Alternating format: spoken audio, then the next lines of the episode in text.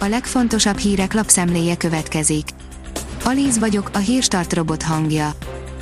Ma december 29-e, Tamás és Tamara névnapja van. A 24.20 szerint 70-szeres a különbség a nyugdíjemelésnél. A százalékos nyugdíjemelés megdöbbentő mértékben fokozza a különbséget az idős emberek között. A Szabad Európa oldalon olvasható, hogy mintha lövedék csapódott volna be horvát szemtanúk beszélnek az újabb földrengésről. Zágrában csak pánikot okozott, kirohantak az emberek az utcára, de volt olyan horvát falu, ahol minden házat megrongált a hétfő hajnali földrengés, a szeizmológus szerint ott, ahol a mostani földrengés bekövetkezett, újabbakra is számítani lehet. Az Agroinform szerint milyen időjárást jövendől a következő évre a Luca naptár. Luca napjához, december 13, számos népszokás és babona kapcsolódik, ilyen népi megfigyelésen alapuló jóslás a Luca naptár és a Luca búza is, mi is követtük ezeket a népi hagyományokat, és figyeltük az időjárás változását december 13 napjától karácsony napjáig, sőt még Luca búzát is vetettünk cserébe. A Propeller szerint egyre több üzletet zárnak be Budapesten. Megnőtt a kiadásra váró üzleti ingatlanok száma a második fél évben Budapesten, a tavaszi pandémiás időszak miatt ugyanis nagyon sok vállalkozás kényszerült végleges bezárásra, a második hullám pedig további üzletbezárásokat okoz, mondta a világgazdaságnak Bogdán Szandra, a kibérelem.hu non-profit adatbázisának projektmenedzsere.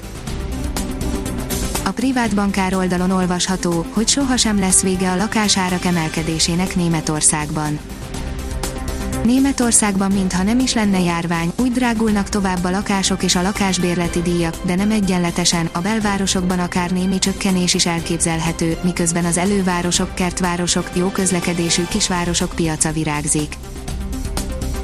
Jövőre a túlélésre kell játszaniuk az önkormányzatoknak a kormány megszorításai miatt, írja a 444.hu. Ha a járvány elleni védekezést nem is feltétlenül segítik ezek a lépések, arra alkalmasak, hogy 2022-re az ellenzék ne tudjon helyi eredményeket felmutatni.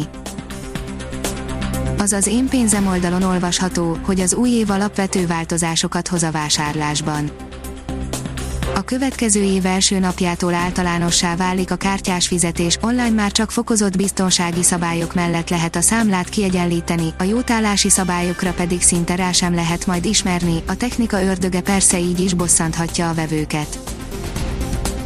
Az amerikai képviselőház hatályon kívül helyezte Trump vétóját, írja a Hír TV az amerikai képviselőház hatályon kívül helyezte hétfőn Donald Trump leköszönő elnök vétóját és elfogadta a 740 milliárd dollár keretösszegű jövő évi katonai költségvetést.